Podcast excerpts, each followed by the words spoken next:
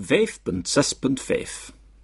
Weifelende relativisten het feit dat de strategie van de postmoderne loopgraven geweldige perspectieven biedt om de theorie tegen objecties te immuniseren, maar dat vele psychoanalytici niettemin beseffen dat haar logische consequenties iets te vergaand zijn, zorgt opnieuw dikwijls voor een ambigu gebruik van de immunisatiestrategie.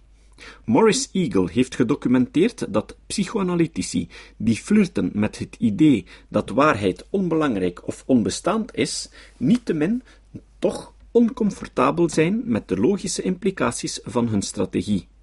Namelijk dat de psychoanalyse niets meer te maken heeft met iets dat werkelijk in het hoofd van de patiënt zit.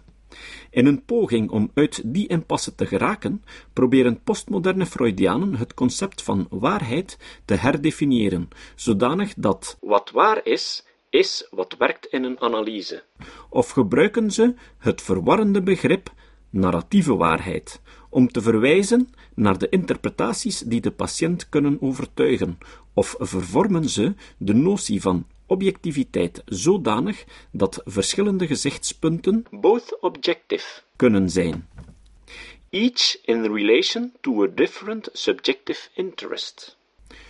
Door die centrale begrippen als kapstokken te blijven gebruiken, wekken ze de indruk dat ze toch op een of andere manier met iets tastbaars bezig zijn. Vele psychoanalytici zijn dus niet gauw bereid om de prijs te betalen die het gebruik van postmoderne strategieën vereist.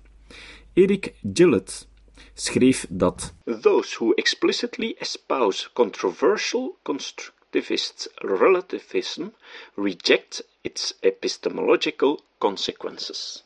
Om een goed idee te krijgen van de absurditeiten waartoe een postmoderne verduistering of relativering van het waarheidsbegrip leidt, is het nuttig om een vraag voor ogen te houden die ook voor de hermeneutische reconstructie van de psychoanalyse pertinent is.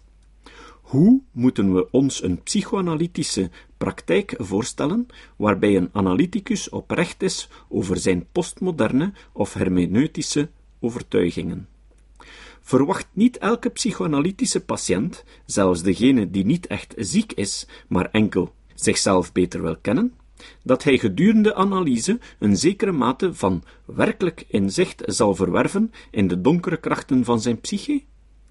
Zou een soort ethische code de analyticus er dan toe verplichten om bijvoorbeeld na een oedipale interpretatie te verduidelijken Uiteraard correspondeert deze interpretatie met niets dat in uw geest werkelijk aanwezig is.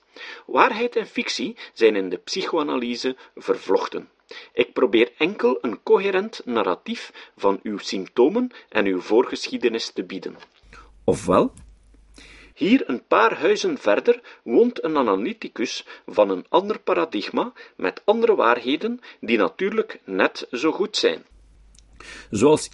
Stengers en Leon Chertok schreven, Le jour n'est pas venu encore où tout patient, entrant en analyse, sera officiellement averti que ce qui lui est proposé n'est autre qu'une aventure métaphorique à deux, et qu'il va apprendre à se vivre lui-même selon la trame métaphorique, favorite de celui à qui il est adressé.